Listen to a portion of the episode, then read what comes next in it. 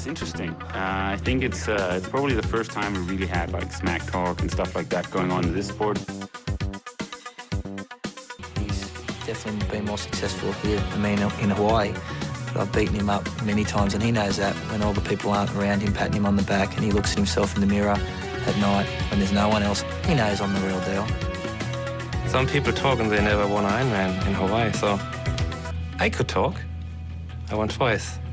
Velkommen til Trioraklet. Velkommen i Aarhus, Aalborg, Odense, København, hvor jeg ellers befinder jer. Jeg har igennem længere tid gået og tænkt over, om øh, Trioraklet nu også skulle have et slogan. Jeg har ikke lige kunne finde frem til et. Det bedste, jeg har kunnet støve op, er Stay Average. Hvis der er nogen, der har et bedre forslag, så er de velkommen til at skrive ind. Man kunne godt fristes til at tro, at der var lidt dårlig stemning i og med, at regeringens pressemøde indikerer, at den europæiske triathlon-sæson er et no-show. Training continues. Det gælder om at se fremad.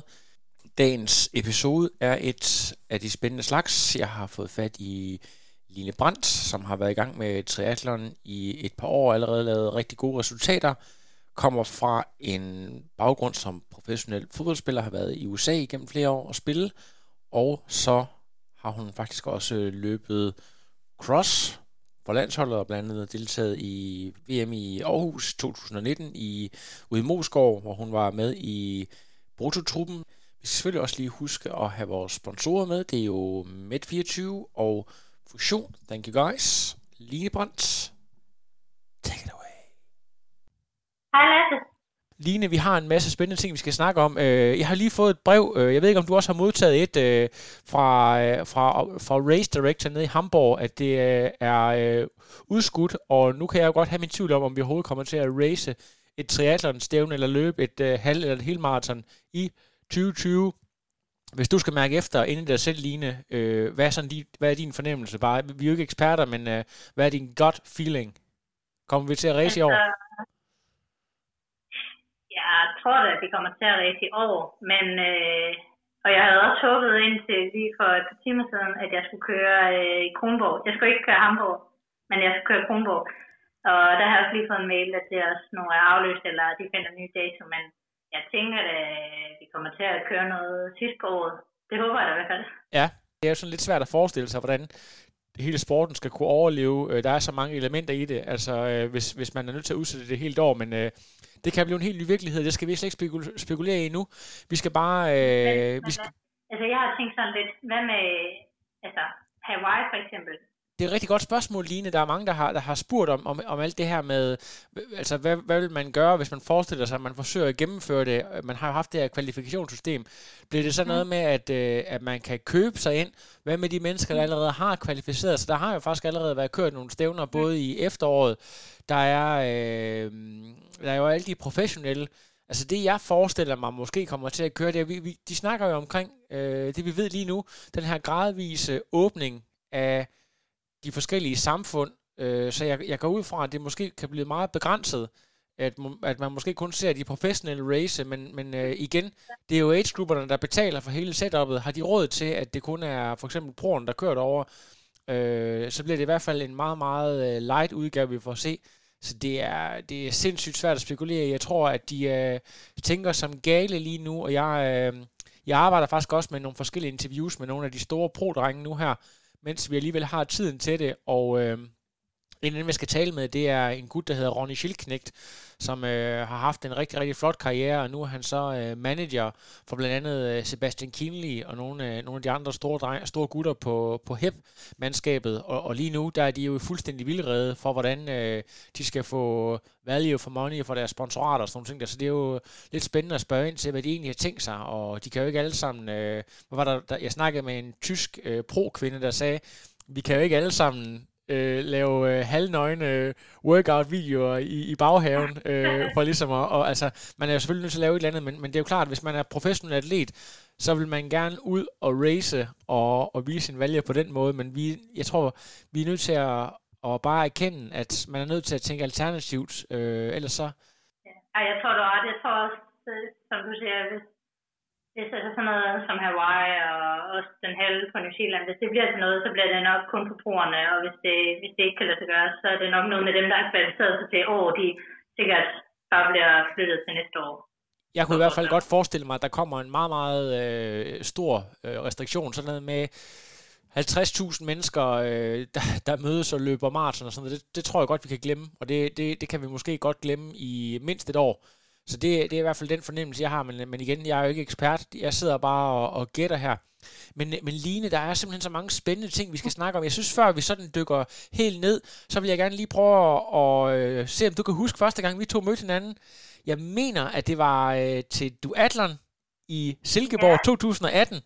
Og, øh, og øh, jeg kan huske, at, øh, at, jeg, at jeg mødte dig på en parkeringsplads, og så tænker jeg, hey, der, der øh, er helt sikkert en af dem, der skal race, og hun ser øh, sådan lidt eliteagtig ud, og du øh, havde håret sat stramt op og kom i dit, øh, i dit race kit, sådan noget øh, pre-race kit, og så ud til at være klar. Men der, der, fandt jeg, der har jeg så sidenhen fundet ud af, at det faktisk var måske dit første duatlon-stævne, du kørte. Var, var det det første stævne, du kørte egentlig? Um, jeg havde også kørt noget Jels. Jels duatlon, som der var lige to år inden. Eller, du har kørt Jels også, ja.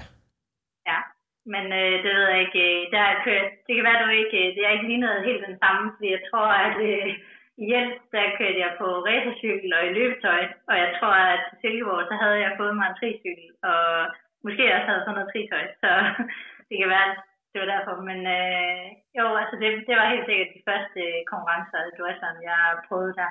Ja, og det er jo egentlig det, som vi skal snakke lidt om i dag, det her med, at du, øh, at du har egentlig en ret lang elitekarriere bag dig, så det der med, at du lige pludselig kommer ind og er fuldstændig nybegynder inden for øh, triathlon, duathlon og faktisk også løb. Du har ikke mere end to års erfaring i det hele, men allerede så snakker vi øh, crosslandsholdet, og vi snakker øh, op og, og leger lidt med... Øh, hvad hedder sådan noget, pro-licens, i hvert fald i duathlon, og så, øh, så triathlon, det, det arbejder du stadigvæk lidt med, men, øh, ja. men, men øh, alt det her skal vi snakke meget mere om. Prøv lige at fortælle lidt omkring dig selv og din familie, fordi jeg ved, at øh, I kommer alle sammen ned fra Silkeborg, der har du, der er du født og opvokset, er det korrekt? Ja. Ja, og så ved jeg, at øh, din lillebror og din kæreste, de, øh, de roer kajak, og det gør de ikke bare sådan for hygge, det gør de på øh, meget, meget højt elite-niveau. Jeg tror faktisk, at din lillebror lige er blevet europamester, kan det passe? Europamester og verdensmester. Europamester og verdensmester. Jamen, vi, skal ikke, ja. øh, vi skal lige have det hele med her. Men, men har det været sådan din barndom, at de alle sammen har været øh, elitesportsudøvere på en eller anden måde, hvis du kan fortælle dem det? Altså, jeg tror, altså jeg, jeg er den ældste af tre søskende. Jeg har to mindre søskende, både en bror og en søster, og de var faktisk begge to kajak, og de er begge to på landsholdet i kajak. Øhm, men ja, min bror han er fem år yngre end mig, og min søster, hun er otte år yngre end mig, og dengang, at vi var sådan helt små, så altså, spillede jeg bare fodbold, øh, og der var egentlig ikke rigtig nogen af dem, der sådan lavede sport noget sådan særligt. De prøvede, gik til lidt gymnastik og svømning og sådan nogle ting. Øhm, og så tror jeg egentlig først, det var efter, at jeg egentlig havde spillet fodbold på sådan, begyndte at spille lidt højere plan, og gjort det i flere år, at øh, min bror også begyndte sådan at gå ret meget op i kajak, og det var nok også ham, der fik min søster også til at bruge rigtig meget tid på kajak. Øhm, så jeg tror egentlig, det var lidt på grund af mig, fodbolden, der sådan startede også, at mine søskende, altså de havde set mig, og jeg tror, for dem, altså for os, så er det sådan, altså, jeg ved ikke, det er lidt svært at beskrive, men jeg tror, nogle gange, når man sammenligner med andre, man hører, så, altså, vi, jeg tror ikke, der er nogen af os, der kan forestille sig sådan gå til en eller anden sportsgren, hvor det... Altså jo, det er, det er for sjov, jo, vi gør det, men vi synes kun, det er sjovt, hvis det er sådan, man går all in og virkelig øh, alt eller intet -agtigt. Det er ikke sådan kun for hyggen. Øhm, så ja, altså vi, jeg skulle sige, jeg er vokset op med, at øh, vi alle tre har øh, dyrket en hel masse sport, og vores forældre, de har kørt os rundt og ude og se os øh, konkurrere hver weekend, og de første mange år, hvor det er mest for mig, der konkurrerede, så var min forældre ude at se mig hver weekend, og så tror jeg måske, at når mine søskende de også flyttede det, der er begyndt at konkurrere, så skulle de jo også øh, prioritere dem lidt, så, så er det lidt mindre ude at se mig, men vi bakker meget hinanden op og ude at se hinanden konkurrere og spare os øh, inden konkurrencer og sådan noget ting. Så ja, og med, altså, min kæreste, han bruger også, øh, eller han har rød kajak på øh, rigtig høj plan. Nu der er han øh, træner og arrangerer også øh, store kajakstævner og sådan noget og altså, han træner selv også rigtig meget, og sådan, men øh, han konkurrerer ikke sådan på højt plan længere. Han, vi skal lige have en mention, for han har faktisk reddet min øh, bagdel øh, på et tidspunkt mm. ved et meget berømt stævne nede i Almere. Den skal vi lige forbi senere. Ja. Et shout-out til ham her på podcasten også. Øhm, det her med at gå rigtig meget op i kvindefodbold er jo også lidt specielt, fordi der er ikke ret mange klubber, hvor det bliver spillet på højt niveau. Så sådan lige på stående fod, så kan jeg komme i tanke om øh, Fortuna Jørgen, Brøndby og måske noget i Skovbakken. Så det vil sige, der er også lidt langt til de her klubber, hvor man kan spille på et vist niveau. Det må også have stillet nogle udfordringer, for jeg kunne godt forestille mig, at du ikke er bare tilfreds med at spille sammen med, med de andre øh, piger nede i, i Serie 5. Øh, jeg ved ikke, har Silkeborg også haft et øh, elitefodboldhold, eller hvordan, øh, hvordan er det foregået? Øh, nej, altså det var Silkeborg, jeg vil sige, i dag der er det begyndt at sådan, få et lidt bedre hold, i hvert fald på sådan en ungdomsplan, men ikke noget godt seniorhold. Men jeg tror allerede, dengang jeg var 13 år eller sådan noget, øh, der øh, skiftede jeg klub til Skovbakken i Aarhus. Så der lå jeg kørt frem og tilbage mellem Silkeborg og Aarhus stort set hver dag.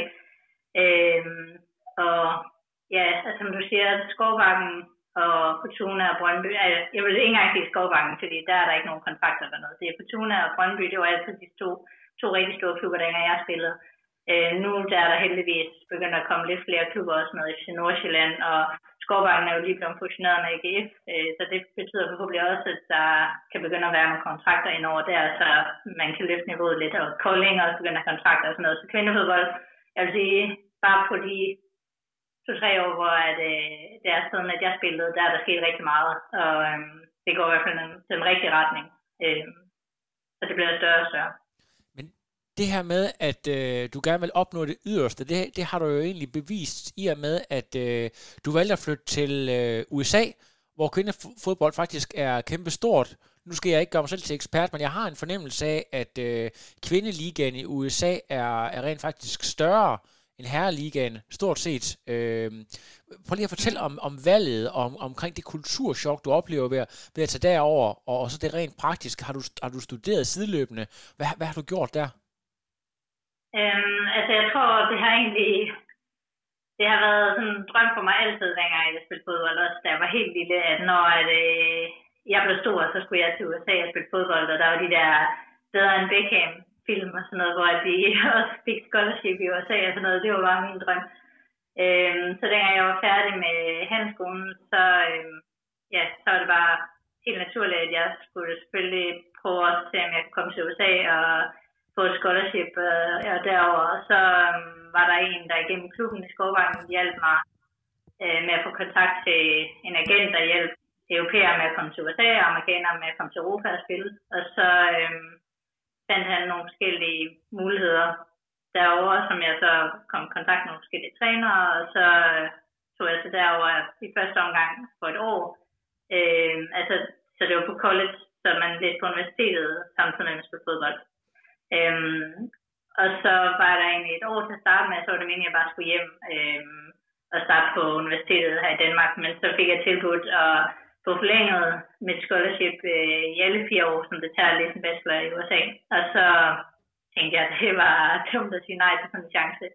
Så, så jeg valgte at blive derovre øh, og læse hele min bachelor, og jeg spillede fodbold derovre i alle fire år. Så altså, ja, det er noget helt andet end i Danmark. Øh, altså man øh, kommer over til sådan en verden, hvor der lige pludselig, altså alle mulige, de snakker om kvindefodboldholdet, og øh, altså alle mulige, der ikke er søskende og forældre og venner, som der er hjemme i Danmark, øh, stadig vil jeg sige, dem der har mest interesse i kvindefodbold.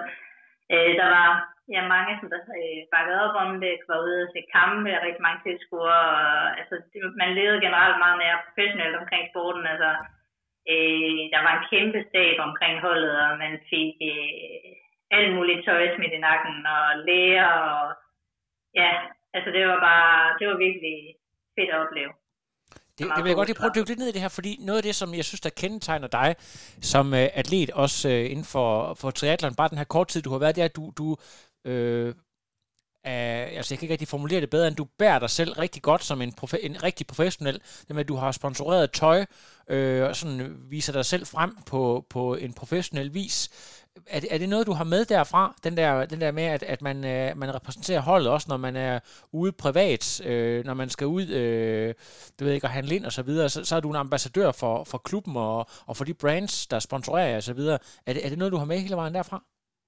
Ja, altså det, jo, det kan man nok godt sige. Altså, øh, der er nok meget af det, som du siger, der også kan komme der for tiden i USA, fordi der var det jo altså i forhold til Skovbakken, der spillede der, der var jeg også på kontrakt på den måde. Så altså på den, det eneste, jeg skulle, altså jeg havde ikke på den måde et ansvar over forhold, som jeg havde i USA, hvor at jeg var på kontrakt, så hvis jeg gjorde et eller andet dumt, eller ja, hvis jeg gjorde et eller andet dumt, så øh, kunne jeg risikere at blive smidt af holdet, og så måtte jeg jo blive sendt hjem til Danmark. Øh, og derover var det, altså, var det endda sådan, at hvis man også øh, altså, hvis man ikke fik gode karakterer, og hvis man blev taget i at drikke øh, og alle sådan nogle ting, altså, så, øh, så havde det konsekvenser. Og jeg tror, at det har egentlig nok bare gjort sådan, at efterfølgende, når, altså når jeg har levet med det sådan i fire år, så er det bare blevet en helt naturlig ting. Øh, så det er ikke noget, jeg sådan tænker over. Det er bare, altså, ja, det, var sådan det er bare... Nu, jeg ved ikke lige, ja. hvad, hvad, var det for, hvad var det, det ved ikke, om du har, øh, om jeg lige overhørt det, hvad var det for en, et, øh, distrikt? Øh, hvad for et klub var det, du, du havde du havde tilhørt? Øh, altså, det, jeg var boet i Florida, øh, så altså, når man spiller, øh, altså når man var den alder, som jeg var på det tidspunkt, hvor man altså, går på universitetet, så, øh, så det, det gode, eller hvad man kan sige, det var sådan at spille for skoleholdet, hvor at, hvis man ikke var god nok til at komme på det hold, og få scholarship og sådan nogle ting, så, så var der ikke noget andet hold på skolen, så spillede man i klubben. Og det var også sådan lidt anderledes i forhold til herhjemme, da hvis man spiller på skolen, er det jo bare sådan for hyggens skyld. Øh, og klub, det er mere seriøst. Øhm, så ja, altså jeg var blevet tilknyttet et øh, universitet i, i Florida, mens jeg var derovre. Ja, okay. Og det er bare fordi, jeg havde sådan en, øh, en, øh, en forestilling, det kan også være, at det er en fordom eller en manglende kendskab til USA med, at øh, der er visse steder, hvor der er også sådan et, et sådan relativt religiøst øh, kodex. Du snakker om det her med ikke at drikke og sådan noget. Det er jo også noget, man kender fra sportsdisciplin, men det kan jo også være det der med, at man har en anden øh, moral. Der er jo en helt anden øh, eller i forhold til, hvornår man må drikke og sådan nogle ting. Der er en helt anderledes øh, festkultur og sådan nogle ting. Det, det er bare, er, er der noget omkring det, at folk de, øh, de har en stærkere tilknytning generelt til kirken og sådan nogle ting derovre? Jo, altså jo, altså det var der også en, øh, altså nu var det ikke fordi, at jeg er, jeg er overhovedet ikke religiøs, men altså det var også en, altså der var sådan, altså mange af universiteterne, de har sådan deres egen kirke, og der er mange af universiteterne, øh, jeg tror, jeg mener, det var en øh, katolsk skole, øh, så jo, der var der måske, altså det var der mere religiøst, end det er på det universitet aktiviteter på en klub herhjemme. Jo, også i forhold til, man skulle for eksempel, øh, der blev altid bedt bøn og sådan noget, inden kampene startede. Så jo, der var noget mere religiøst, men, men jeg tror ikke, at det er på grund af religionen, at der ikke var sådan, altså, at man ikke drak og sådan nogle ting. Øh, jeg drak ikke. Der, jeg vil da sige, der var der nogen, der godt kunne finde på at drikke derovre. Øh, alligevel, selvom øh, man kunne risikere at miste sit scholarship og blive smidt ud. Og det var ikke noget, der bare blev troet med, fordi det var noget, der var, altså, det skete, øh, der var nogen, der mistede deres scholarship. Og der var nogen, der tog chancen og gjorde det alligevel. Øh, måske lige så meget, som du siger, det der med, at der var en anden lavalder for, for, altså for, hvornår man må drikke. Og der er mange derovre, når de så endelig kommer på universitetet, så er de ikke hjemme mere, og så skal de bare, så er det første gang, de drikker. Og for mig, når jeg kom derover, så var det ikke, altså, så jeg havde fået at drikke mange gange herhjemme, og når jeg var taget derover for at spille fodbold, øh, så kunne jeg sagtens lade være med at drikke. Jeg ville i hvert fald ikke risikere at skulle blive sendt hjem, og ikke kunne, ja, Det er det, vi også længere. kender som øh, svenskerne i Nyhavn-syndromet. Øh, det giver rigtig, rigtig god mening. Øh, du, du har faktisk altid øh, også mens du har spillet fodbold, været meget fascineret af løb. Nu har jeg lavet en lille smule research på det. Jeg tror faktisk allerede, du lavede et, et maraton relativt tidligt. Skal det passe, også mens du spillede fodbold? Øh, ja, jo, det gjorde jeg. jeg lavede løbet meget sådan, Jeg tror, det var, jeg tror, det var kort tid efter, jeg kom hjem fra USA, men det er ikke noget, øh, altså det var overhovedet ikke noget, jeg sådan trænede til. Øh, og det er ikke noget, at jeg er stolt over den tid, jeg løb eller noget. Men jo, altså jeg har altid løbet rigtig meget siden af fodbold, og når der var fri weekender, så har jeg prøvet at deltage i nogle forskellige motionsløb. Og, altså, ja, jeg har altid løbet, løbet en maraton med stedet fodbold, men jeg løb faktisk min første halvmarathon, dengang jeg var 11 år. Okay. Øh, det er, altså, jeg har altid løbet rigtig meget. Øh, men ikke sådan, altså ikke noget, jeg har gjort noget særligt ved. Men det er bare det her med, at øh, det tror jeg, jeg, det kan i hvert fald tale for min, mit eget vedkommende, at øh, hvis man ikke rigtig kender triathlon-sporten, så øh, er der altid en eller anden connection mellem det der med maraton, som er det mest kendte, og så Ironman, det ligger derude et eller andet sted.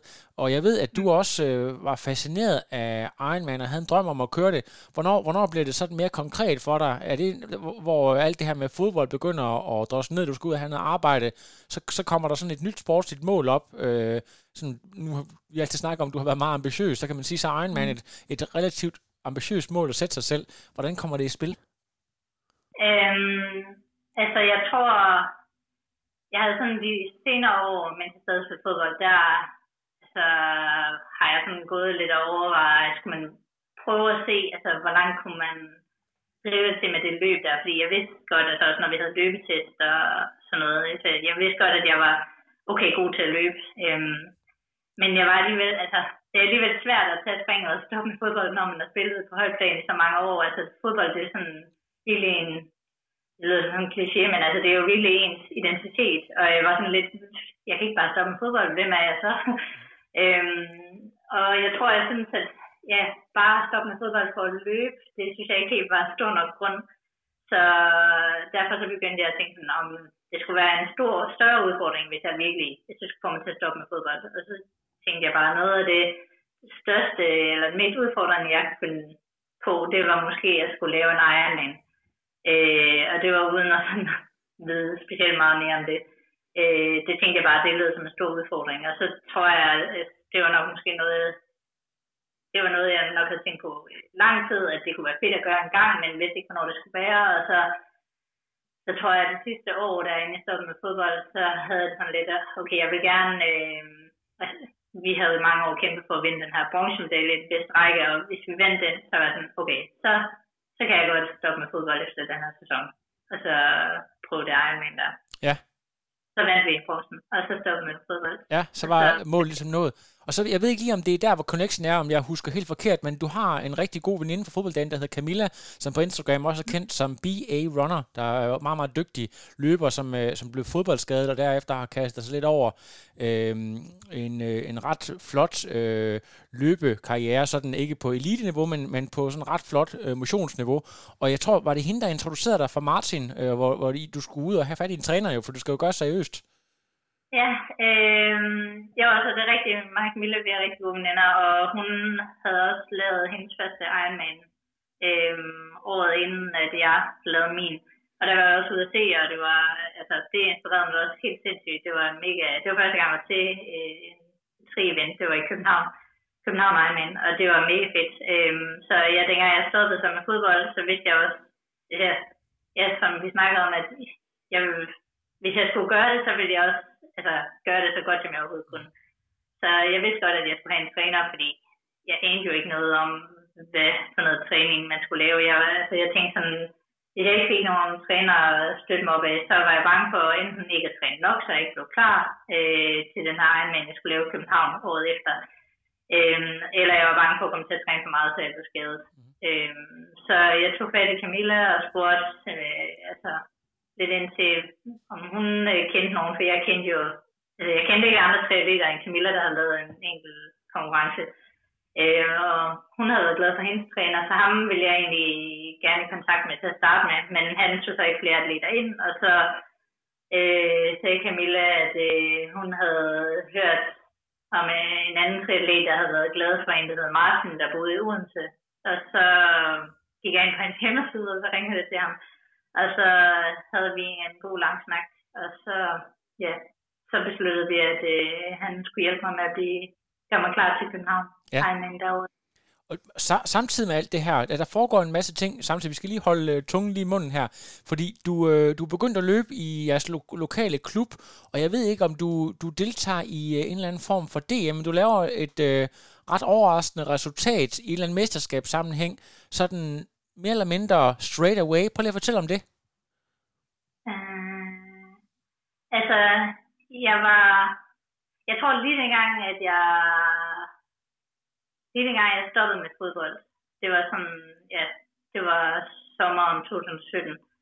Så, øh, altså, måneden efter, så deltog jeg i sådan en, øh, altså det var lidt ligesom DHL, øh, sådan noget virksomheds øh, stafetløbagtigt, bare i Silkeborg, øh, hvor man skal løbe rundt om en sø, 4 km, og der var der en øh, atletiktræner ude med nogle af hans drenge, øh, og så var han åbenbart lidt imponeret over, at han, eller han kunne ikke rigtig forstå, at han ikke øh, havde mødt mig før, øh, når at han så, hvad for en tid jeg løb på. Så han tog fat i mig og spurgte, om jeg ikke, altså hvem jeg var, om jeg ikke kunne tænke mig at prøve at løbe med ham og de drenge, han træner. Og altså der var jeg ikke til med nogen triklub eller noget nu. Øh, jeg løb bare og trænede alene, så det tænkte jeg, det, det kunne da være fedt. Og der havde jeg heller ikke snakket med Martin nu.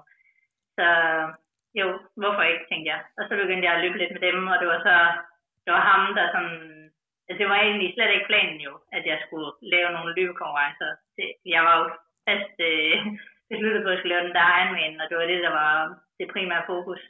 Men så dengang vi kom til, ja, hen omkring vinter, øh, der begyndte ham træneren der på atletikklubben i Silkeborg at spørge lidt ind til, skulle du ikke prøve at løbe det der cross? Jeg tror egentlig, du kunne klare det ret godt. Og så prøvede jeg at tage til DM i kort cross, og så blev jeg nummer 4. Og så tænkte jeg, det var egentlig, det var det meget sjovt, ja. når man kan være med deroppe. Så vil jeg da gerne løbe lidt mere af det.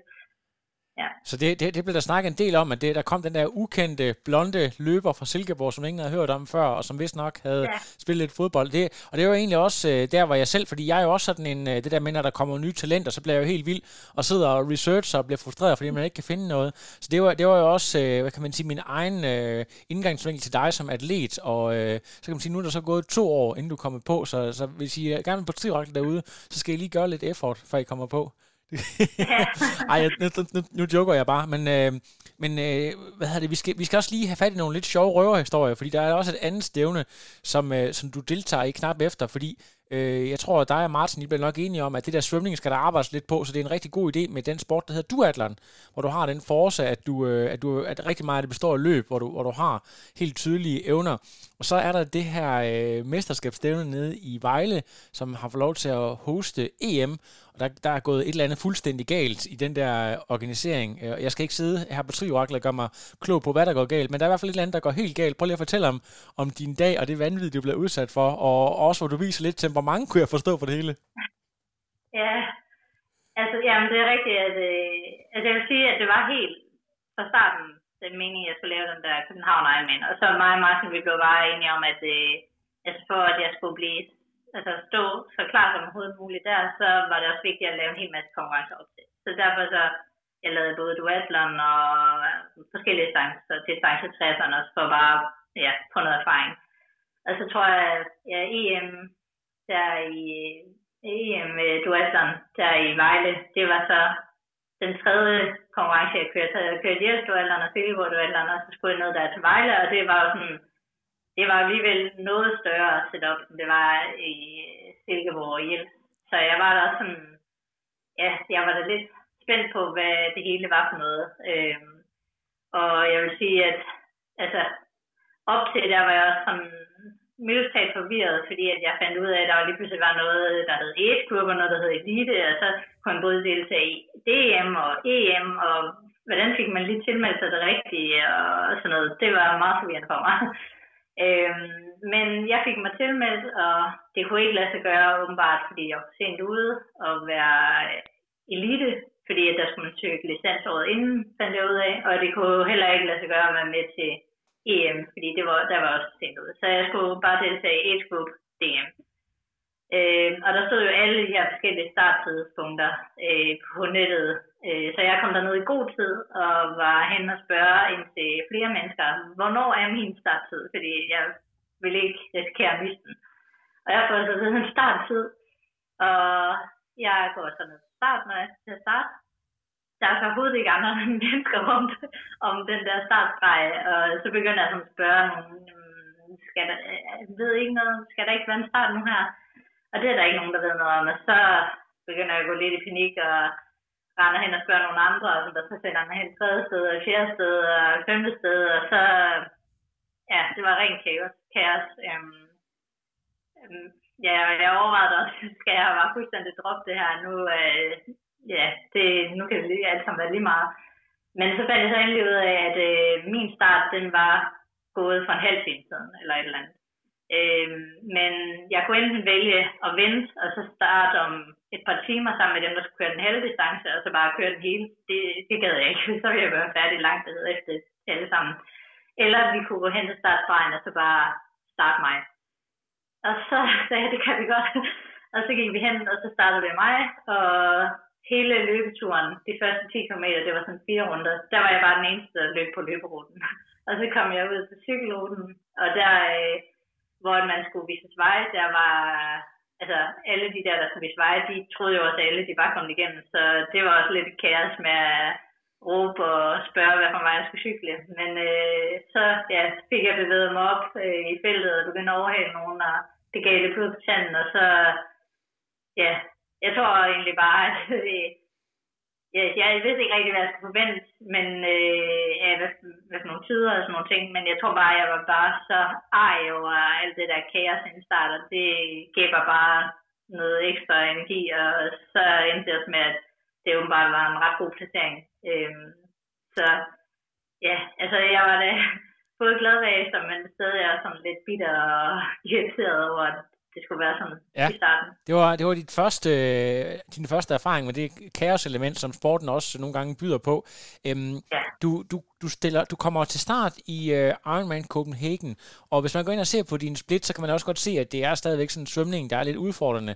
Men det er ikke sådan, øh, altså der er ikke nogen af dine splits, der sådan stikker ud som værende hverken øh, specielt øh, outstanding eller specielt dårlig. Det er sådan en, en god, solid øh, begyndertid, men, men i forhold til, hvor dygtig en atlet du ellers er, og hvor godt du løber osv., så, så, så kan du måske godt alligevel til at være lidt skuffet. Øhm, Prøv lige at fortælle om den oplevelse. Er det noget med nutrition, som, øh, som måske ikke, øh, du ikke helt har, har fået styr på i de første to Ironman, du kører? Nu, nu kan vi snakke om København her først. Øhm, øh, hvad, hvad er sådan din oplevelse med det? Altså, jeg vil sige, at øh, altså, da jeg besluttede mig for at løbe Ironman, så først og fremmest så tænkte jeg bare, altså, mit mål det er at gennemføre en Ironman, fordi jeg kunne ikke svømme eller noget, dengang jeg startede. Øh, men så dengang vi nærmede os, øh, og altså, der var, jeg havde fået nogle okay resultater til nogle af de der første konkurrencer, så begyndte jeg da også sådan at tænke, at jeg skal nok have en eller anden, øh, et eller andet mål med en tid, så måske under 12 timer, og så kom jeg lidt tættere på, ej, under 11 timer ville jeg gerne. Og så, dengang jeg gik ind til konkurrencen, så havde jeg sådan lidt, okay, det kunne være fedt at komme tæt på 10 timer. Og Martin han har også sagt til mig, at hvis det gik godt, så kunne jeg måske komme under 10. Og det kunne være, at øh, man også kunne kvalificere sig til Hawaii. Og jeg var bare sådan, nej, det, troede jeg ikke, det kunne det ikke passe at det kunne være, men altså, jeg gik jo lidt og drømte om det i baghovedet, men tænkte altså, hvis jeg ville komme omkring 10, det ville jeg virkelig være glad for ved min første her. Øhm, og svømningen, den tror jeg egentlig, altså den går nok bare lidt så forventet for mig, så der med svømning, det gælder bare om at komme igennem. Øh, og cyklingen tænkte ikke sådan, og udmærket tænkte jeg, jeg havde helt, altså, det, det var heller ikke noget, jeg havde sådan rigtig store forventninger til. Og så løbet, det er så der, hvor jeg måske havde nogle forventninger. Øhm, og første halvdel af løbet, det går bare mega godt. Øh, jeg løber bare mega overskud og tænker, kæft det her, men det skulle da mega nemt. øhm, men så skal jeg på toilet første gang efter de der 20 km cirka. Og jeg får bare sundt i maven, og jeg skal bare, jeg tror jeg på toilet like, 28 gange i de sidste halvmarathon der, og har det virkelig dårligt. Øh, og jeg kan ikke øh, spise eller drikke noget, der får det til at gå væk. Øh, så til sidst så gælder det bare om at, altså, at gennemføre det, føles det som om. Men så når jeg så kommer i mål, og så finder jeg ud af, at jeg var faktisk blevet nummer to, og øh, hende, der var nummer et, hun var 6 minutter hurtigere, og så blev jeg bare simpelthen så ærgerlig over, at øh, altså, jeg vidste jo bare med mig selv, at jeg kunne godt gøre det der løb meget bedre. Øh, og hvis jeg ikke skulle på toilettet, og jeg ved godt, at det er en del af det og sådan noget, så tænkte jeg bare, så kunne, jeg, så kunne det være mig, der skulle have været til Hawaii. Så, så besluttede jeg mig for, okay, så, var, så bliver jeg nødt til at lave en Ironman. Ja, ja for, for, med det mål at skulle til Hawaii, det er det, du gerne vil, det, det er jo drømmen. Altså, det var det i hvert fald. Det var det ikke gående ind til København. Der, Nej, men, men, men det blev det. Det blev det så. Det blev det så virkelig efter, efter det der øh, race i København, ja. Har, har du cirka et tal på, hvor meget du cirka sætter til? Jeg ved godt, at, at der er også noget træthed og så videre, men hvor meget øh, vil du tro, du sætter til på øh, anden halvmarsen i forhold til det første?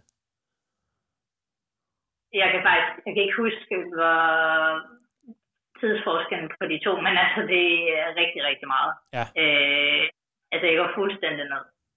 Fuldstændig. Øhm, og jeg havde det nok, altså jeg tror Martin og jeg havde nok tænkt, at jeg skulle øh, måske, øh, vi havde nok tænkt, at jeg skulle ned og løbe sådan, jeg ved ikke om den første, om vi tænkte, at jeg og løbe omkring tre, men det var da i hvert fald ikke meget over, og jeg tror, at det bliver tre og en halv time eller sådan noget. Ja. Så det var meget, øh, meget langsommere end det, vi havde forventet. Jamen, det er jo heller ikke... Jeg tror, at øh, ikke Jeanette Dommer, men øh, hvad hedder hun, Svejstrup, jeg tror, løb hun ikke lige omkring øh, tre timer. Så med dit niveau, så, så bør det jo også bestemt være... Det er jo ikke, det er jo ikke engang urealistisk, øh, når man øh, er på landsholdet i cross, vil jeg sige. Så, øh, så det, det lyder meget, meget rimeligt. Så, så lad os lige øh, skrue tiden øh, et år frem, så har du nået at træne. Så tager du til Østrig. Øh, Østrig, det er også en hurtig rute, men øh, der er så nogle lidt andre temperaturer, nogle lidt andre ting. Øhm, du, du, du har et okay race, men det bliver altså ikke... Øh, jeg tror, du bliver, ender du med at blive nummer tre dernede, eller, eller prøv lige at fortælle om ja. den oplevelse. Ja. Øh, jeg, jeg vil gerne rette dig. Jeg synes ikke, at det overhovedet på nogen måde er en hurtig rute. Øh, altså, der var næsten 2.000... Kan passe? Ja, Ja, der, der var næsten 2.000 højdemeter på cykelruten. Ja. Jeg kan lige på ret så at sige, at altså, proerne plejer at gå hurtigt dernede, men det gør de også i rute, okay. så, så man, man kan sige, men i, ja. i, forhold til, i forhold til København er det ikke nogen hurtig rute, lad mig sige det på den måde. Men, øh, men øh, ja, der, der, altså proerne plejer at køre hurtigt dernede, men der er, der er rigtig mange øh, forbehold. Yes, øh, men det er rigtigt. Altså, jeg gik ind, i forhold til København, så gik jeg ind til det race bare virkelig med målet, jeg skal kvalde til Hawaii. Fordi det var virkelig bare det, som øh, jeg havde tænkt på lige som København, at det, der ville jeg gerne have, have været over.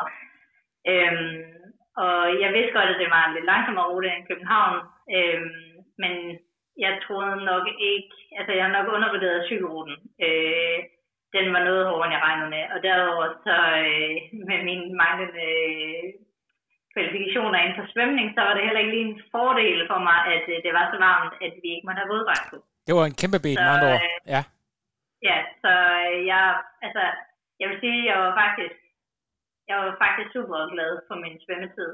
Øh, det var, selvom det var uden våddragt, så var det, jeg tror, det var et minut hurtigere end København, København året inden med våddragt. Så, så det, den svømmetid var jeg egentlig rigtig glad for. Men øh, jeg havde nok også brugt nogle flere kræfter der, end jeg ville have gjort, hvis det havde været med våddragt.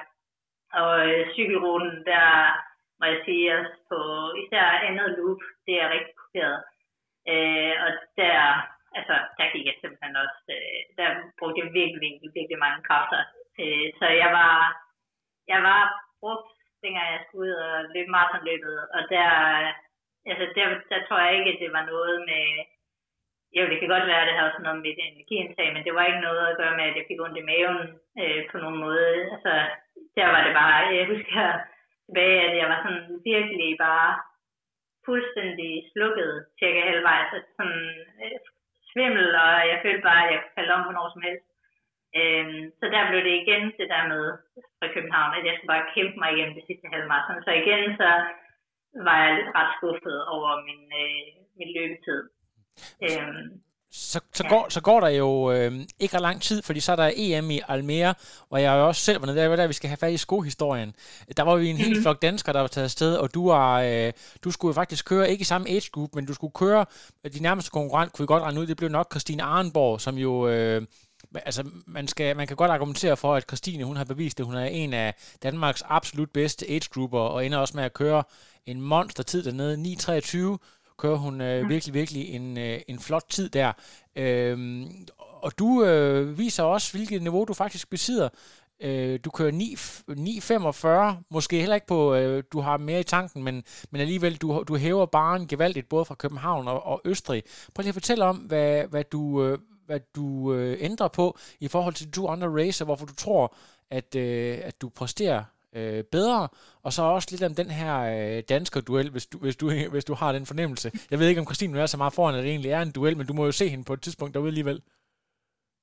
Øh, altså, jeg vil egentlig sige, at øh, efter øh, Klagenfurt der i Østrig, så øh, altså, jeg tror, der er mange, der måske også hører den podcast, øh, de har været i kontakt med mig efter Klagenfurt, fordi at jeg ville simpelthen gøre alt for at få en billet til, til København eller øh, Kalmar, fordi at jeg stadig havde det der øh, brændende mål om, at jeg skulle bare til Hawaii, fordi det var det, det sidste år havde handlet om der, og det var ikke lykkedes i Klagenfurt, og jeg følte mig bare i form til, at, øh, at jeg kunne gøre meget bedre, end jeg havde gjort i Klagenfurt. Ja. Øh, det lykkedes så ikke at få, øh, få nogle plads i Vandkalmer eller København, øh, så eftersom det så ikke kunne lade sig gøre at kvalde til Hawaii øh, sidste år, så, øh, så begyndte det i stedet at mere betyde noget for mig at bevise over for mig selv, at jeg kunne køre under 10 timer. Og jeg har diskuteret det rigtig meget med Martin, øh, at altså det der med at køre efter en eller anden køre under 10 timer, altså det er sådan måske meget faktisk synes Martin, og det altså, siger måske ikke så meget, fordi det har jo noget med ruten at gøre, det ved jeg udmærket godt, men jeg kan lige, kunne alligevel ikke slå det ud af mit hoved, at altså, jeg havde bare det her brændønske om at køre under 10 timer, fordi det vidste jeg bare, at jeg godt kunne, så det ja. ville jeg gerne bevise over for mig selv. Så da jeg tog øh, til mere, så jo, altså det var det EM, og jo, Christine var dernede, men det handlede overhovedet ikke for mig om, at jeg skulle køre mod hende, eller nogen som helst, eller få en podieplads til EM eller noget. Det handlede udelukkende om at komme under 10 timer. Så dengang jeg også kommer i mål og øh, ser min kæreste, så er jeg bare med det samme øh, hver tiden. og det var så lige 45, så var jeg bare mega glad. Og så var det først noget tid efter, at jeg fandt ud af, at okay, jeg var faktisk også blevet europamester i min aldersgruppe. Og jo, jeg blev Stine var blevet nummer et, og så var der en imellem, og så kom jeg og sådan noget. Men det var overhovedet ikke det, det handler om for mig. Det var at komme under 10 timer. Ja, så jeg tror egentlig bare, at det har været den form, du har kørt videre på, og så øh, måske skifte lidt mere fokus på øh, det der med sådan trods, trodsighed, og jeg skal vise jer... Øh, e-, effekt, yeah. mere end det er noget med, at du har spist på en anden måde, eller pace der selv yeah. lidt anderledes. Og så du løber jo, du løber trods alt øh, øh, 3.25, som er, altså det er jo ikke, øh, det er jo ikke 3.00, men det er jo, øh, det er jo sådan en bedre sammensat konkurrence, kan man sige, på rigtig mange måder. Det ved jeg faktisk ikke. Det, jeg, ja, det ved jeg ikke helt. Altså, jeg, ja, jeg tror ikke rigtig meget. Jeg tror ikke, jeg har gjort noget øh, specielt anderledes i, altså, øh, op til mere sammenlignet med op til Klagenfurt. Jeg tror egentlig, jeg var på nogenlunde samme niveau. Det kan godt være, at jeg har flyttet mig en lille smule på cykling, fordi også øh, til Silkeborg øh, triathlon, der inden jeg tog til mere, der gik det også øh, forholdsvis godt på cyklen. Øh, og, og det var også cyklen, hvor at jeg skar 20 minutter af i forhold til Frankfurt. Øh, så det var på grund af cyklen, vil jeg sige, at jeg kom under de 10 timer, som der var det der mål, jeg havde. Øh, og så tog jeg selvfølgelig også lidt af svømning, fordi det var med våddragt eller mere, og det var uden våddragt Klagenfurt.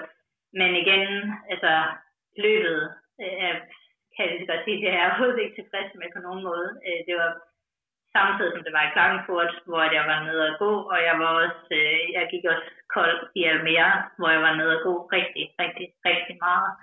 Og det var pisse irriterende, men ja, altså, jeg var glad, fordi at jeg kom under de der 10 timer og rimelig godt under med et kvarter, øh, og det var det, det løb handlede om, men nu ved jeg også bare, at øh, altså, jeg kan altså jeg kan stadig gøre det meget bedre, fordi at jeg ved, at jeg kan stadig skære en masse af det der løb.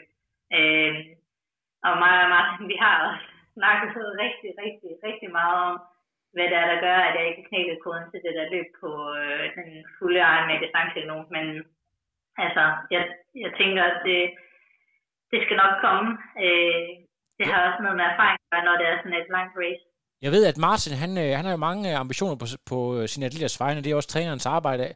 Øh, han synes jo måske, at, øh, at du, øh, det der med, at du har jo en øh, karriere øh, hos Arla, hvor du arbejder, du arbejder fuld tid, at det er jo sådan en ting, hvor man, øh, hvis man virkelig har ambitioner om at køre rigtig stærkt, så vil man måske skære lidt ned på timeantal og, øh, og finde ud af nogle ting der i forhold til må, måske at have nogle kortere dage eller en enkelt dag, hvor man, hvor man overhovedet ikke arbejder osv. Øh, det har du ikke valgt at gøre endnu. Prøv lige at fortælle om, øh, om det her med, hvad det betyder for dig at have en, øh, en karriere ved siden af. Um, altså ja, det er da ikke nogen hemmelighed. For mig, der øh, altså jo, sporten betyder mega meget, men for mig der øh, karriere, det er også noget, der betyder rigtig, rigtig meget, og noget, som jeg går meget op i. Øhm, og ja, som du siger, Martin, han, øh, han, han foreslår dig af til, om øh, vi ikke skulle øh, prøve at få mig til at få lidt mere tid til at både træne, men ikke mindst restituere, fordi jeg har et ret øh, pakket program med både arbejde og træning. Øhm, så det er noget, jeg overvejer en gang imellem, men som det er lige nu, så, øh, så prøver jeg stadig at få det til at hænge sammen med begge dele. Øh, og jeg vil sige, at jeg tror også, altså både min sport hjælper mig i forhold til mit arbejde, men mit arbejde hjælper mig også i forhold til min sport, altså med at jeg har begge dele. Så det tror jeg også, øh, at jeg ja, gør nogle gode ting. Øh, men jeg ved det også udmærket godt, at hvis, altså, hvis jeg skal hoppe øh, noget større skridt øh, inden for triathlon, så, ja, så skal jeg da også øh, nedprioritere mit arbejde. Ja. jeg Jeg kan også se, det er, en, øh, det er noget af en omvæltning og en stor beslutning, man skal tage der. Vi er nødt til lige at nævne skohistorien, fordi det havde vi lovet tidligere på podcasten. Der sker det, at jeg, jeg kommer over målstregen. Jeg har ikke øh, kørt egen med nogle år, og jeg er ret tilfreds. Jeg kommer ind lige, lige over 10 timer, og øh, har egentlig haft en vanlig average præstation. Og så sidder øh, stort set alle danskerne der og tager imod mig, øh, og er ved at dø af grin, fordi at, øh, at øh, den der historie, den er allerede slået ud. Kan du ikke lige fortælle, hvad, hvad er det, din kæreste han fortæller? Hvad er det, der er sket derude? Jo, øh, altså, det sidste løberuten er mere, den er sådan, øh, og det kan jeg jo rigtig godt lide, den er sådan, jeg tror det er 7 km eller sådan noget, vi løber øh, rundt om en sø, så der er ret mange loops. Og min kæreste, han står så et fast sted øh, ved hver runde, så han kan give mig noget energi. Øh, og du kommer så også forbi på et tidspunkt, og så, øh, så som jeg forstår det, så hiver du fat i ham, fordi at du, øh, jeg ved ikke helt, men du, der var et eller andet problem med dine sko. Øh, så jeg ved ikke, om du spørger ham, om han kan skaffe nogle andre sko, eller, eller hvordan det lige foregår, men altså, jeg hører i hvert fald, at du, øh, du smider dine sko, øh, bytter dem med min kæreste, som der står i et par gamle sneakers, så får du de sneakers på, så løber du øh, de næste 7 km i hans gamle sneakers, imens min kæreste han løber hen til Hoka-standen og øh, prøver at se, om han ikke kan øh, købe et par sko. Eller, jeg tror at du har sagt, at kan du ikke, du har 100 euro at købe nogle sko for. Men så øh, er Hoka-standen så søde, at de vil øh, låne dig nogle af ham, dig, nogle sko. Og så øh, næste gang du kommer forbi ham, så øh, er der så et par tredje sko, du kommer forbi, som er nogle nye Hoka-sko. Ja. Så det var en meget sød historie. Jeg er ret imponeret over, at øh, du kan løbe øh, et afsluttende maraton på en egen i tre forskellige slags sko, og i ja. den, det er det er, det er ulempen ved at være en fattig røv, det er, at man går på kompromis med skostørrelser og tror, at de sko, man øh, har løbet et par intervaller i, også kan gå, når ens fødder de er hævet med halvanden til to størrelser på sådan en Ironman. Så det er, det er en, lille, en lille lektion derude til, til alle jer. Øhm, hvad hedder det, vi skal også lige øh, forbi noget andet, fordi rent tidsmæssigt, så øh, var der jo et, et stort højdepunkt i dansk sport 2019. Det var jo netop øh, Cross-VM, som jo er en kæmpe stor ting, altså en kæmpe stor verdensbegivenhed, der blev afholdt ude ved Moskov, hvor du, jeg tror, der var seks pladser til kvinderne, og du formåede faktisk at få en af de der pladser der. Øhm, altså, det må have været en fuldstændig vanvittig, altså det må jo sådan nærmest have været vildere, end at komme til Hawaii. Altså, det, det er jo virkelig Øh, der snakker vi øh, ikke bare øh, for motionister, men for, for øh, de bedste i hele verden. Prøv lige at fortælle om din kvalifikation og selve oplevelsen med at løbe der, og så det der med at møde de aller, aller, allerbedste i hele verden.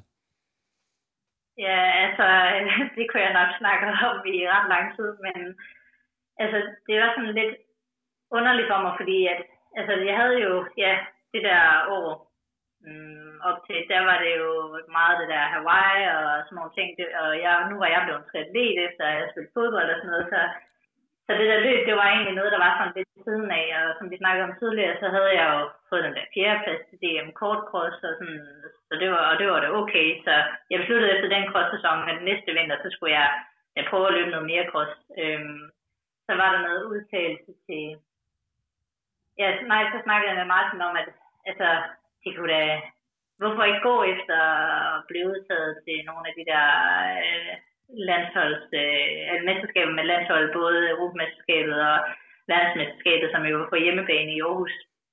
Og jo, altså, det synes jeg, det lyder meget fint, så det vil jeg da gerne gå efter. Øhm, og jeg prøvede at kvalificere til EM, Øh, det var løb i Skanderborg, og det var bare, altså, det var faktisk øh, en katastrofe øh, jeg havde ligget syg hele ugen op til, men ville jo bare så gerne til det der EM. Så jeg følte mig, jeg følte meget sådan, at jeg var frisk, da vi skulle løbe det der kvalificeringsløb. Og da jeg stod på stregen, jeg tror også, at jeg ville mig selv ind, at jeg var frisk nok til at løbe der, fordi jeg var vildt så gerne. Så da jeg startede ud det går, så tonser jeg bare derud af, og det er først efterfølgende, jeg finder ud af, at den første kilometer eller sådan noget, der ligger jeg bare sådan flere hundrede meter foran feltet, hvor både mig, og Emilie Møller og alle mulige, de ligger. Så det tror jeg også, det var måske det løb, hvor folk de fik øje på mig inden på grås, hvem jeg var. Øh, og det var altså ikke sådan specielt øh, god opmærksomhed, tror jeg, fordi at jeg blev overhalet jo. Jeg gik ja. fuldstændig koldt og overhalet bagefter. Så jeg blev ikke udtaget til EM. Øh, og så øh, nogle måneder senere, så var der så DM Cross, øh, hvor man godt vidste, der var, jeg tror det var mig og Maja Møller, de var forhåndsudtaget øh, til VM, så der var fire pladser på spil. Øh, så jeg gik ind til det løb øh, med målsætning om, jeg skulle have en af de der fire pladser. Øh, og ja, så ender jeg med at blive nummer to til det DM, og det skal så siges, at der var nogen, altså der var nogle af løberne, der også var med til VM, de var på træningslejr i Kenya, så ja, det var derfor, jeg måske er blevet nummer to, vil jeg sige. Men jeg fik i hvert fald en af de der fire pladser til VM, og så fik jeg ved, måske dagen efter det løb, men øh, det betød så, at jeg nu officielt, at jeg var udtaget til at skulle løbe VM, og det var så tre uger senere, og altså det hele gik bare så stærkt, at det var sådan, at det, var, det var sådan næsten slet ikke til at forstå, at jeg skulle til det der. Øh, og så ja, mødte vi ind øh, i den der landsholdslejr, det var tre dage før eller sådan noget. Øhm, og ja, altså... Jeg kan, hvad hedder det, selve kvalifikationen øh, er jo så et, et super, super fedt mål, men øh, nu, det blev så live, live transmitteret, og det var en meget, meget spektakulær rute. Det må have været helt vildt at prøve at løbe der, og så også det der med, altså en ting det er at være blandt de seks bedste i Danmark, men når der så kommer folk fra Etiopien, øh, Kenya, alle de her nationer. Altså det der med, at det er bare et helt, helt andet niveau. Prøv lige at fortælle om den der oplevelse, hvor man bare ser, okay, der er, der er meget, meget, meget, meget langt til verdens øh, eliten. Ja, altså, det var bare, altså på alle mulige områder, det var bare fuldstændig vanvittig oplevelse. Øhm, både det der med lige pludselig at være med på i sig selv, det var ikke noget, jeg overhovedet havde regnet med, dengang jeg stoppede med fodbold, for det var jo tri, det skulle handle om. Øh, så det var både fuldstændig overraskende og mega fedt. Øh, og så det der med, at altså, der var bare sådan, altså virkelig et hype også op til VM, følger jeg i hvert fald, øh, sådan rundt i byen. Altså nu arbejder jeg jo i Aarhus, så altså, man kørte rundt, og altså, der var plakater over det hele, og folk på mit arbejde snakkede om det, øh, at det skulle ske, og det var ude på Moskov, og altså, der var mange der, mennesker, der snakkede om, at de skulle ud og se det, og også der var sådan noget motion, sådan noget bagefter, så der var mange motionister, der også skulle ud og løbe det, og det gør det jo også tit til en meget større event. Øhm, men ja, altså, og alle mulige mediedækning, der var op til, hvor jeg også bare fandt ud af, altså jeg kender jo ikke nogen inden fra forløb, eller det gjorde jeg i hvert fald ikke, nu kender jeg lidt flere, men det der med, at så læser man den ene dag, når man, der kommer den her UL-guldvinder på den her distance, og den her øh, femdobbelt verdensmester på den her distance og sådan noget, og det begynder virkelig at gå op for en, shit mand, de her folk, jeg skal ligge og løbe mod, det er jo fuldstændig vanvittigt, fordi det er jo, altså man siger jo, at cross, det er sådan, det er der, hvor det, alle de bedste i verden mødes fra, jeg tror det er sådan noget, 800 meter til maraton. Ja. Altså, altså på tværs af alle discipliner, så Kæmpe skal hvert land vælge de seks, som de synes, der er bedst. Så især for mange af de afrikanske lande, som der jo har tradition for at være, have de bedste løbere, så var det jo bare, altså hvert land dernede stillede jo med seks, som der var alle som verdensmester eller OL-guldvinder. øh, og også øh, seks danskere, man starter sådan øh, ved siden af hinanden øh, på sådan en lang række, så danskerne vi stod på en række, og så øh, står de andre lande på række ved siden af, og jeg tror, havde vi vi havde i hvert fald Kenya på den ene side, og også et eller andet vestafrikansk hold på den anden side, og det var bare alle mulige stjerner. Og så går starten bare, og altså det er jo et kæmpe felt, og det var bare, det var ude ved Moskov, altså hvor man løber de der kost, så løber man sådan en hel masse, altså, vi løber fem runder af to kilometer, så det er jo sådan rimelig kompakt, så tilskuerne, de kan også bare være over hele ruten. Og der var altså 15.000 tilskuere derude, og det var, ja, som siger, live øh, transmitteret øh, på TV2, og man løber op på taget af Moskov, øh, kronprinsen er derude, øh, altså, det er bare fuldstændig vildt. Det er en vild oplevelse. Er du sådan lidt fangirl-typen, det der man fik du lavet nogle selfies sammen med nogle af de her øh, verdensmestre, eller, eller der er ikke så meget fankultur på samme måde, som man oplever i måske cykling og fodbold videre. Hvordan øh, fik, fik du taget nogle minder derude for dagen, eller var det bare det at være med? Øh, det var nok i sig selv måske? Ja, altså, jeg tror, øh, jeg tror alligevel på det tidspunkt, at jo, det, på forhånd, jeg havde læst om alle de der store stjerner, der kommer og sådan noget, men jeg tror ikke, altså, jeg, jeg kendte, jeg ville måske næsten ikke kunne se, hvem den der person var, der var den der store stjerne, så det gjorde mig så måske også en begrænsning for, at jeg lige kunne gå hen og tage en selfie, men altså, det kunne jeg nok godt komme på i dag. Øhm, men altså jo, for mig var det bare det der med at være en del af hele det der show, og altså, det var også lidt underligt det der med, at man gik ind til løbet, og altså, for første gang måske nogensinde gik jeg ind til løbet og bare tænkte, fuck, bare jeg ikke bliver sidst. det var næsten, det var det værste, der kunne ske, og så kunne jeg kun positivt overraske. Og jeg var også glad for den placering, jeg fik. Øh, jeg tror, det var sådan noget 82 eller sådan noget. Øh, men man kan mest forholde sig til, sådan, hvordan øh, man placerede sig i forhold til de andre danskere, og det var jeg rigtig godt tilfreds med. Ja. Øhm, du er også faktisk begyndt nu efterfølgende at løbe i en lidt større klub. Øhm, hvad har det nu? Nu har du jo, jeg tror, vi, vi råbte lige hej til hinanden her for nogle uger siden, før vi alle sammen røg i karantæne. Øh, du, det 1900, du begyndte at løbe med, er det ikke rigtigt? Jo, altså, jo, det er rigtigt. Jeg begyndte at løbe øh, for 1900. Nu har jeg kun løbet DM-kurs for dem, som vi nåede at løbe det her inden øh, corona den ramte. Øh, men dem har jeg trænet med siden ja, nytår, tror jeg det var. Og det var egentlig lidt fordi, at jeg har løbet med den der lokale atletikklub her i Silkeborg, øh, fordi igen, man skal være medlem af en atletikklub for at deltage i ja, Cross Nationals øh, turneringer. Øhm, og, men jeg har primært bare trænet med den der klub i Silkeborg, øh, sådan måske et par gange op til et løb. Øhm, men altså, efter at jeg begyndte at blive udsat flere og flere ting i forhold til cross, øh, så begyndte det også at betyde lidt mere for mig, og også det der med i løbet af hele sæsonen at gøre noget ved løb, øhm, og ikke kun være noget, som jeg fokuserer på over vinteren. Altså, det var fedt nok at løbe med de der drenge i Silkeborg, men igen, det er Silkeborg, så der, der er ikke, altså, jo, vi var, der var fem drenge, måske øh, øh, mellem 14 og 19 år. Det var dem, jeg løb med, og de kunne også presse mig rigtig godt, og det var også mega fedt og sådan, men altså, jeg tror måske alligevel, jeg, jeg følte, når jeg var afsted med landsholdet og snakkede med nogle af de andre piger der, øh, at jeg kunne måske godt øh, altså, komme ind i et løbemiljø, der var sådan måske lidt, jeg ved ikke bedre nødvendigvis, men lidt øh, større og lidt mere seriøst, og hvor der er lidt mere altså, sådan, øh, ja, altså nogle flere folk også at løbe med, og der, altså, vi løber så i Aarhus 1900, sådan, jeg tror vi er mellem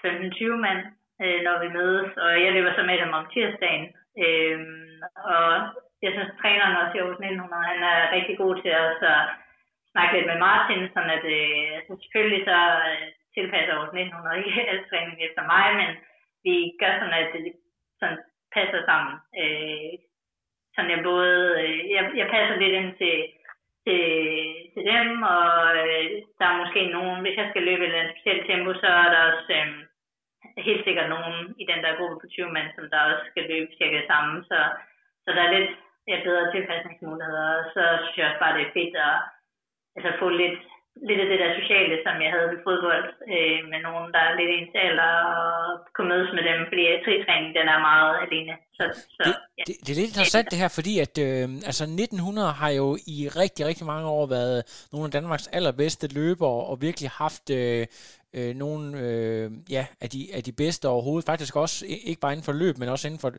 ved ikke om nogen kan huske, Joachim B. Olsen, han stillede blandt andet så op for, for Aarhus 1900, da han var på toppen af karrieren.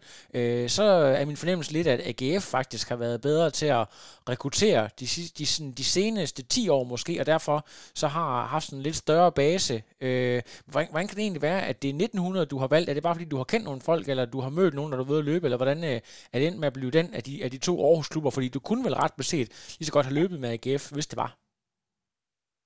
Ja, altså, jeg kan lige så godt sige, at det var fuldstændig tilfældigt. Altså, det kunne lige så godt være AGF, og jeg tog, altså, jeg har både snakket med træneren i AGF og træneren i 1900, og begge to har også, altså, fuld, været fuldstændig ærlige og sagt, altså, det er sådan lidt det samme, vi kan tilbyde. Øhm, og så, så tror jeg, så var jeg bare, så var det tilfældigt, at jeg var prøvetræning ved 1900 første gang, og det synes jeg bare var fedt, og så var jeg der nogle flere gange, og så, ja, så synes jeg bare, det var, det var vildt fedt. Øhm, og så nogle gange har vi også øh, løbet sammen med AGF, øh, så ja, jeg har været med til flere træninger, hvor vi har, jeg har været lidt kryds og tværs, så jeg tror, det er lidt tilfældigt. Altså.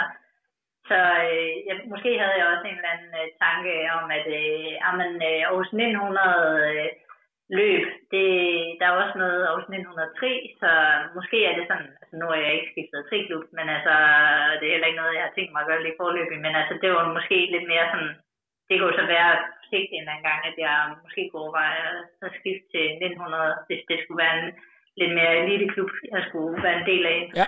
Men jeg har så efterfølgende fundet ud af, at øh, altså, Aarhus 1900 atletik og Aarhus 1903, det er sådan nærmest forskellige klubber. De har ikke rigtig så meget med hinanden Der er ikke så meget, men det, det er rigtig nok, at der er, det er faktisk lidt den samme uh, tankegang, som, som jeg gjorde, da jeg selv kom til byen. Så det, det er også svært at vide, at, uh, at der er den her store paraply, og så er der de her små klubber, uh, triklubben og atletikklubben osv. ude i. Så det, men, jeg, men jeg skal ikke... Uh, hvad hedder det, det, det er meget naturligt at tænke sådan.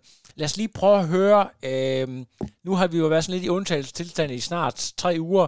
Hvordan, øh, jeg kan se, at du lægger nogle billeder op, hvor du sidder med søgeudsigter og cykler udenfor. Hvordan, øh, du, du arbejder der hjemmefra, går ud, du er ikke inde, du er ikke inde på kontoret? Nej, øh, altså helt, øh, ja, jeg tror, det er næsten tre uger eller sådan noget, jeg har arbejdet hjemmefra efterhånden, og altså vi sad jo et kæmpe åbent kontor ude i Viby, så altså, det, det er meget naturligt, at det ikke rigtig giver mening at møde så mange mennesker derude så tæt. Øh, men jeg vil sige, at meget af mit arbejde, det er alligevel noget, hvor jeg har de fleste møder på Skype med nogen fra andre steder i verden. Så om jeg sidder på kontoret i Viby, eller jeg sidder herhjemme i stuen, det er ikke den store forskel.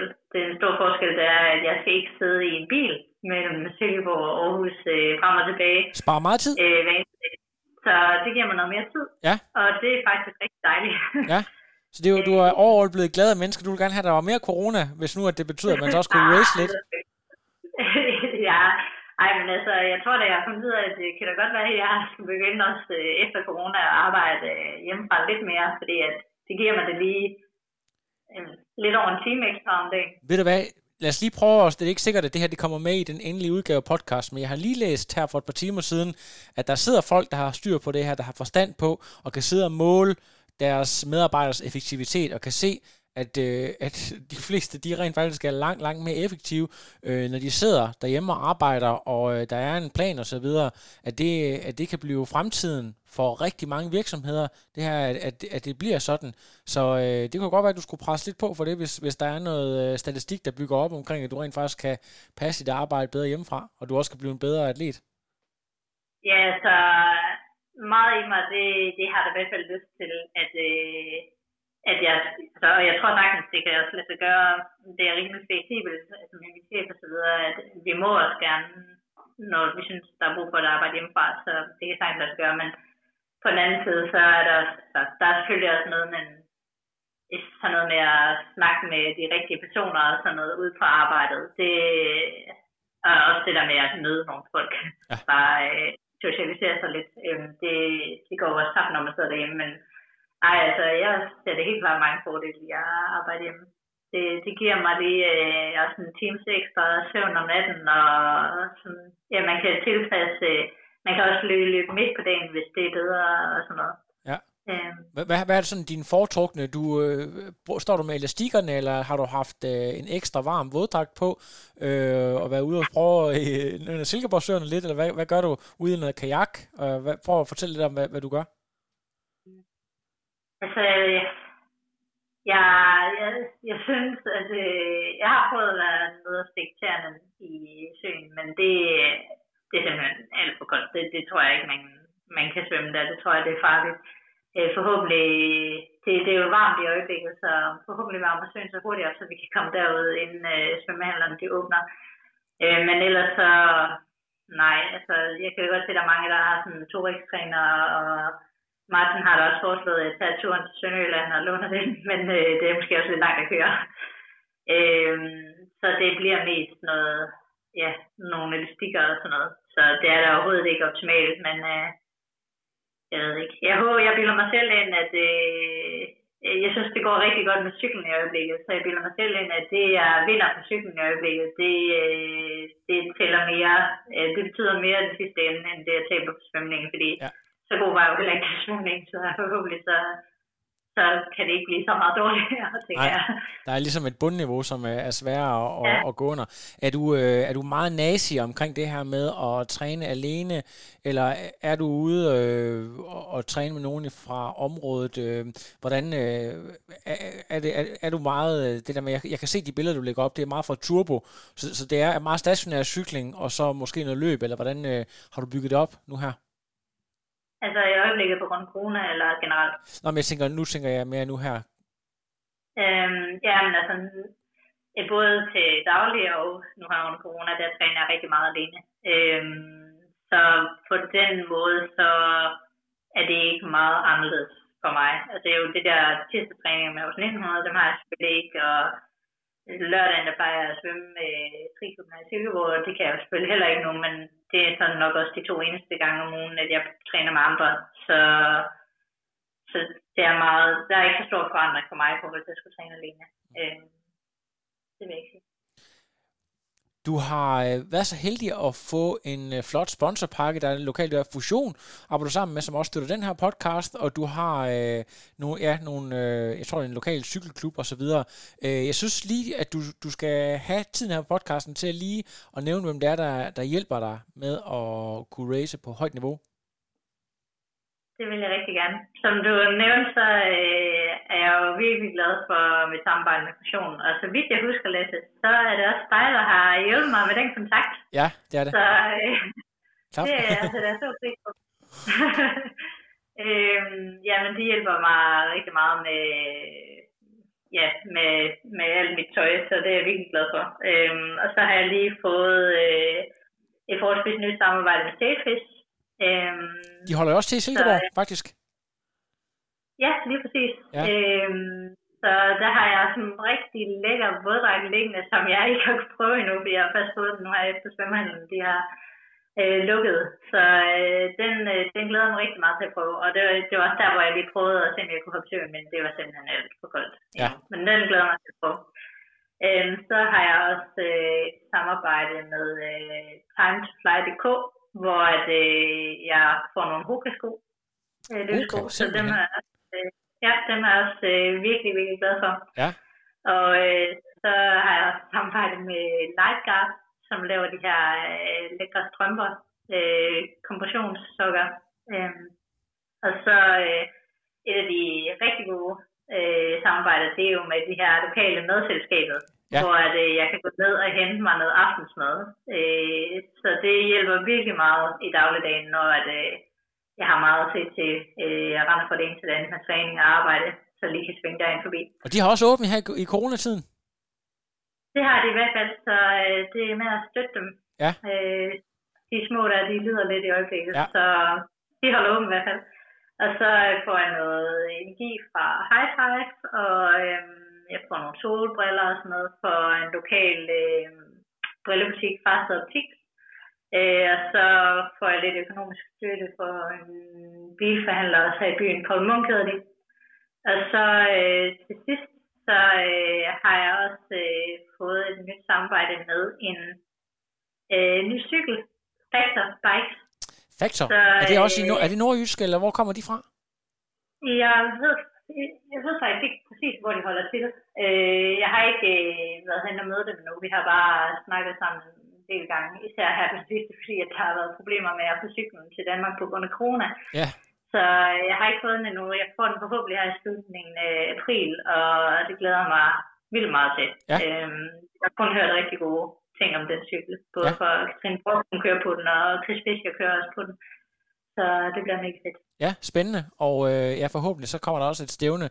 Ellers så kan man sige, så, øh, så vil cyklen formentlig være så ny, at du også kan tage en ekstra sæson på den. Øh, så det er en win-win situation. Øh, noget, vi Ja. omkring, noget vi omkring alle øh, samarbejdspartnere? Ja, det tror jeg, det var... Det er godt. Ved du hvad, jeg synes, der har, været, der har simpelthen været så meget. Jeg, jeg håber, vi fik øh, alle historierne med. Øh, hvad, altså, vi, nu, jeg kan ikke engang huske, om jeg nåede at spørge omkring det. Hvad, hvilke stævner var du egentlig skrevet op til? Øh, altså, ja, i dag der fik jeg den sidste mail om det sidste stævne, jeg var skrevet op til, det var afløst. Så jeg havde kun planlagt en sommerferie indtil videre. Øh, men jeg skulle køre øh, det EM halvlejen med en Kronborg, så skulle jeg have kørt, øh, vi havde snakket lidt om Marbella, øh, halvlejen med og så øh, skulle jeg have kørt både EM og VM duatlon øh, med elite-licensen der. Øh, og så skulle jeg nok også have løbet øh, DM 10 km landevej øh, i forbindelse med Royal Run, som også er aflyst. Øh, og det var de primære ting, som jeg skulle lave her inden sommerferien. Og så var det, havde vi snakket om det først efter sommerferien, jeg nok skulle finde hele Ironman, jeg skulle deltage i. Okay, så der er ikke øh, andet for end, alt aflyst, så der er ikke andet for end at bare fortsætte med at træne, og så øh, være så skarp som muligt, når øh, tingene lysner. Og jeg har det jo også bare sådan, at øh, hvis vi skal være helt ærlige over for hinanden, så er det jo egentlig den der glæde ved at komme ud og træne, som der jo egentlig er den primære grund til, at man, man dyrker sporten. Så øh, det er selvfølgelig ærgerligt, når de her race bliver aflyst, men øh, det er stadigvæk fedt at træne, så øh, det er jo det, man er bare nødt til at minde sig selv lidt om, synes jeg. Ja, altså jo, helt klart. Øh, træning, det, altså, det er bare det, der giver en energi i hverdagen. Men altså, på den anden side, så vil jeg da også sige, at når man kører en eller anden FTP til sådan noget i kælderen, hvor man ender med at ligge på gulvet der er ved at dø, så tænker man da lidt bagefter, hvorfor, hvorfor gør du egentlig det, når der ikke er noget rigtigt, du skal køre, men altså, man gør det jo alligevel. Ja. så forhåbentlig så, øh, altså det gælder mig også om at stå så skarpt som muligt, når at, øh, der, de åbner op for konkurrencer igen, og det er der jo ikke nogen, der ved, hvornår det sker, så der vil jeg i hvert fald være klar. Ja, 100 procent. Ved du hvad, Line, tusind tak. Jeg tror, vi har snakket næsten en halvanden time, så øh, det var fordi, du var spændende at snakke med. Jeg vil gå i gang med at redigere den her podcast. Øh, måske bliver det allerede i aften, hvis jeg har en booster på køl derude, så jeg kan holde mig vågen. Øh, som sagt, så går jeg i gang med at redigere med det samme, og så vil jeg lige indtale en lille øh, intro. Og øh, så øh, kan jeg fortælle alle lytterne derude, at øh, vi er ved at lege en masse rigtig spændende interviews op. Det kan godt være, at øh, der ikke rigtig er nogen stævner nu her, men øh, Ronny Schildknecht, Cameron Worth øh, er i pipeline til en lille snak, hvis nok også øh, Andrew Starkovic, så vi får øh, en masse spændende navne, så øh, I har nogen at høre på, mens I er ude at træne, så øh, jeg forsøger i hvert fald at gøre mit til, at I kan holde øh, humøret op alle sammen. Tusind tak, øh, tusind tak Line, og øh, vi ses derude. Det gør jeg i hvert fald. Hej. Hej hej. No, I am done. Another. But now it's, I'm done. I have no power.